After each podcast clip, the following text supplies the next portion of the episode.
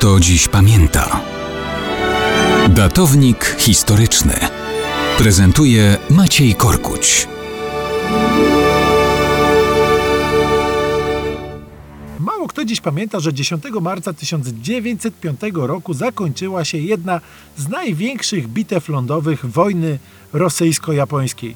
Bitwa pod Bugdenem. Warto o niej przypomnieć, bo przecież wojna z Japonią miała być taką małą, pokazową, zwycięską wojenką, w której rosyjskie imperium porachuje kości niesfornemu sąsiadowi. Mugden to miasto w Mandżurii. Rosyjski generał Aleksiej Kuropatkin zgromadził tam siły liczące ponad 250 tysięcy ludzi. Rozciągnął ich w okopach chronionych zasiekami z drutów kolczastych na przestrzeni prawie 150 kilometrów. Japończycy zgromadzili podobne siły, chcąc Rosjanom zadać decydujący cios. Bitwa rozpoczęła się 20 lutego 1905 roku. Trwała trzy tygodnie. Japończycy upozorowali główny atak na rosyjskie lewe skrzydło. Kuropatkin połknął haczyk. Tam zaczął przerzucać swoje siły. Wtedy Japończycy po ciężkich walkach rozpoczynają manewr oskrzydlający prawe skrzydło. Kuropatkin nie ma odpowiednich rezerw. Próbuje panicznie przerzucić siły z lewego skrzydła na prawe,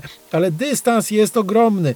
W szeregi Rosjan wdziera się chaos, a na osłabione lewe skrzydło właśnie uderzają japońskie rezerwy. To zapowiada masakrę. Kuropatkin wydaje rozkaz odwrotu. Rosjanie w popłochu porzucają sprzęt i rannych. Japończycy zdobywają Mugden. Imperium carów traci 90 tysięcy zabitych, rannych i wziętych do niewoli. Japończycy drogo okupili zwycięstwo ciężkimi swoimi stratami, ale po tej bitwie już było jasne. Dla Rosji to nie będzie wojna ani pokazowa, ani mała, ani zwycięska.